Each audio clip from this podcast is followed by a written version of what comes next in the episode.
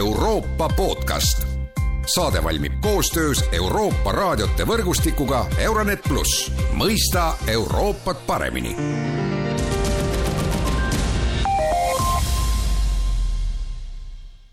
tere päevast ja tere kuulama jälle Euroopa podcasti. Ukraina sõja valguses räägitakse palju Venemaa majandusest, et too ei pea lõpuks sanktsioonidele vastu.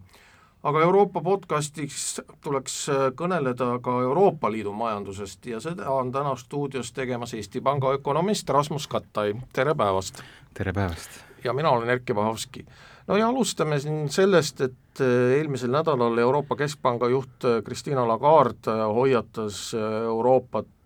no täpsemini rääkides Euroopa Liitu, inflatsiooniohu eest, noh ilmselt on siis peetud silmas seda, et et hinnad tõusevad ja see seab siis ka inflatsioonile sellise surve. Rasmus Kattai, kuidas sa seda kommenteerid, et, et äh, kas see inflatsiooni oht on tõsine ja missugused järeldused me peaksime sellest tegema? no iseenesest tänasel päeval võib juba rääkida mitte oodatavast ohust, vaid realiseerunud riskist, sest et äh, viimane inflatsiooni näit ka euroala kohta oli peaaegu kuus protsenti juba, et selline hinnakasvu tempo on äh, ka euroala jaoks ju enneolematu Äh, kui äh, rahapoliitika eesmärk on umbes ja praeguse uue definitsiooni järgi tegelikult täpselt kaks protsenti aastas, siis kolm korda seda ületav inflatsioonitempo on selgelt väga kiire hinnakasv Euroopa jaoks. Nüüd suurem küsimus loomulikult seisneb selles, et mis ootab ees ja laias laastus äh, võib ju äh, öelda, et inflatsioonil on kaks erinevat võimalikku allikat. Äh, üks inflatsiooni tekitaja on majandusaktiivsus. mida paremini läheb majandusel, seda kiirema hinnakasvu see kaasa toob, mida kehvemini läheb, seda aeglasem on ka hinnakasv. see on suhteliselt hästi prognoositav Äh, sest äh, majandus üldiselt kipub olema selline äh, inertne oma aktiivsuselt. teine hinnakasvu allikas on kulude poolne hinnatõus, enamasti räägime siin siis toormete kallinemisest, olgu ta toit, erinevad energiakandjad, mis võivad väga kiiresti ajas üles hüpata ja põhjustada väga kiiret hinnatõusu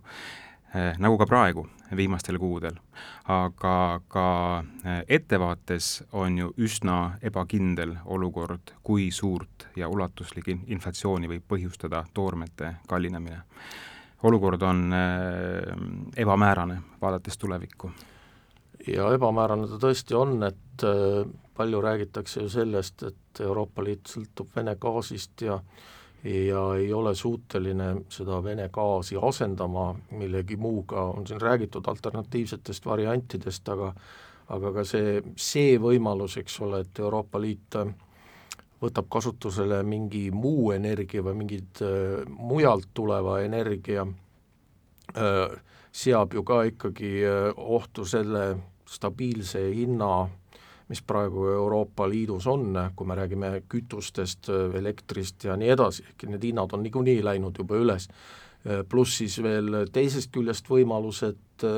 Venemaa lihtsalt tõstab neid hindu ja kuna Euroopa Liit on sellises nii-öelda ummikus sellega, siis ta peab ikkagi maksma, et see vist ju seab ka nende,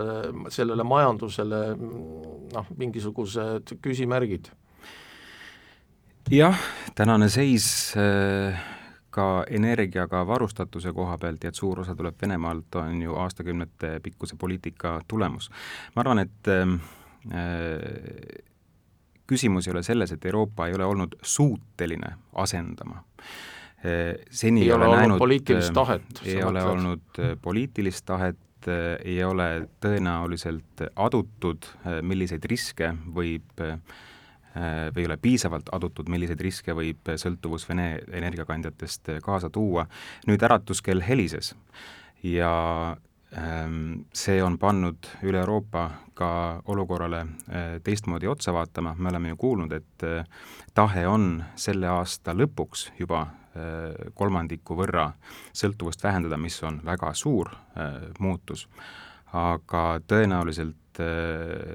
nüüdsed otsused või vähemalt tahaks loota, et nüüdsed otsused öelda lahti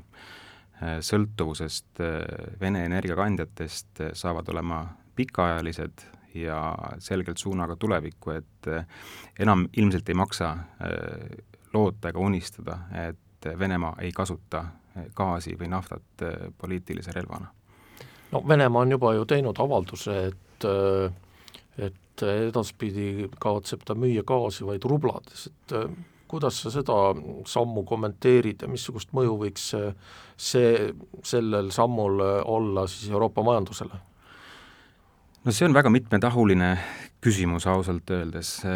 kõigepealt eh, peaks üldse mõtlema, et siin on eh, tugev õiguslik aspekt juures, et me räägime ikkagi ostu-müügilepingust. ja seal on, eks ole, teine valuuta? seal lepingus. on senimaani märgitud teine valuuta, enamasti on see kas euro või dollar ja ähm, sisuliselt on äh, müüja äh, võtnud äh, siis kohustuse selles valuutas tehinguid teha on aus öelda, et ega mina neid lepinguid ju otseselt eh, näinud ei ole ja ei ole ka peenikest kirja seal lugenud, aga eh, nii palju, kui nüüd eh, ka meediat jälgides võib esmastest uudistest lugeda, siis need lepingud on loetud ka valuuta või tehinguvaluuta osas siduvaks ja lihtsalt ühepoolselt neid muuta ei saa. Itaalia on juba avaldanud arvamust, et nemad ei kavatse hakata rublades maksma ja kuidas see olukord laheneb, ma arvan, et äh, siin peab veidi ootama, sellepärast et äh, on nüüd, siis sisu, sisuliselt on teada, mille pärast äh, Putin sellise käigu tegi. aga miks ta tegi oma loodusvarade tulusid konverteeritakse rubladesse edasi, nii-öelda tulubaas ja teenitav tulu mis riigikassasse tulu, tuleb praktiliselt ei muutu sellest. Äh, küsimus on ainult selles, et äh, kes selle äh, rublaostutehingu siis teeb või konverteerimise, et kas seda palutakse teha gaasiostjal või gaasimüüjal ehk Venemaal. ja Putini käik on siis vastu survestada lääneriike, et need oleksid sunnitud siis sisuliselt enda kehtestatud sanktsioonide vastu minema, Putin andis ju ka korralduse, et nädala jooksul peaks äh, Venemaal loodama selline süsteem, millega gaasiostjad saaksid Vene siseturult rublasid osta. selleks tõenäoliselt on vaja teha sanktsioonide alla kuuluvatesse pankadesse kontod, seal arveldada, ehk et minna iseenda, lääne enda poolt kehtestatud sanktsioonide vastu. see on niisugune äh, rusika vibutamine ja lihtsalt võimu äh, näitamine Putini poolt praeguses olukorras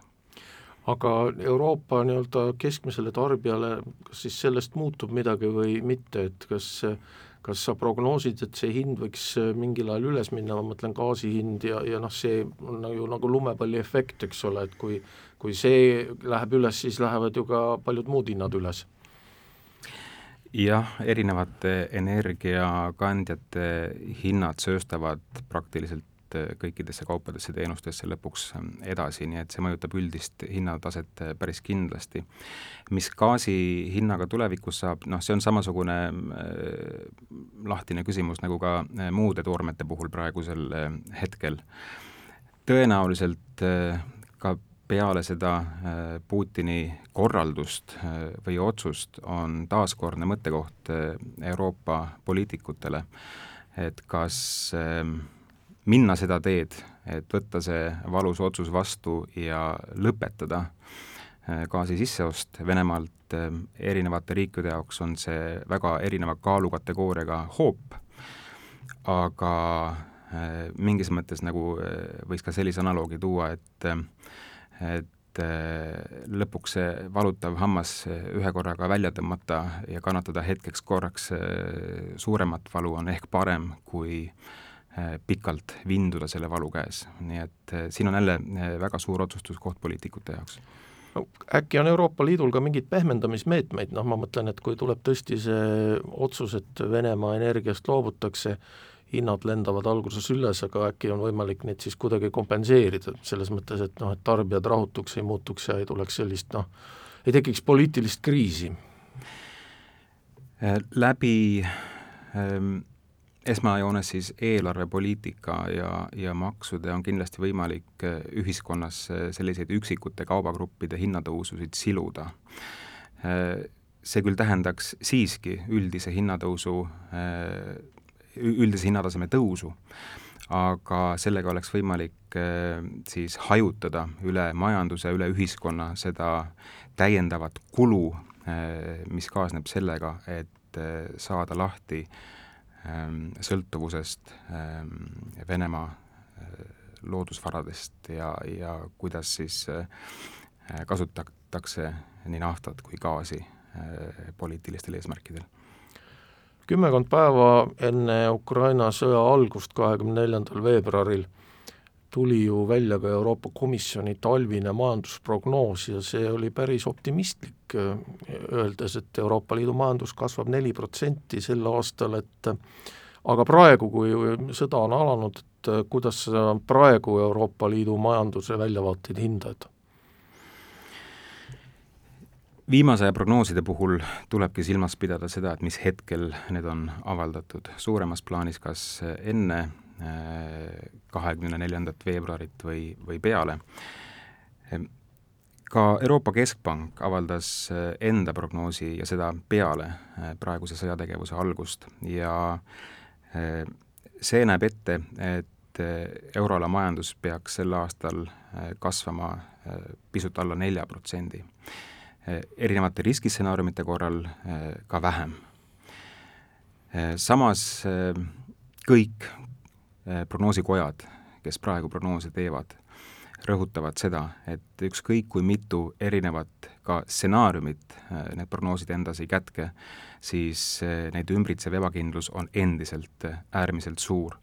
on, ma arvan, päris õige öelda, et äh, isegi äh, väga detailne analüüs äh, sellest, kuidas tarneahelad riikide kaupa on üksteisega seotud, ei anna meile veel täit aimu seda, et mismoodi see doominoefekt käima läheb siis, kui tõesti äh, ei saa maailm enam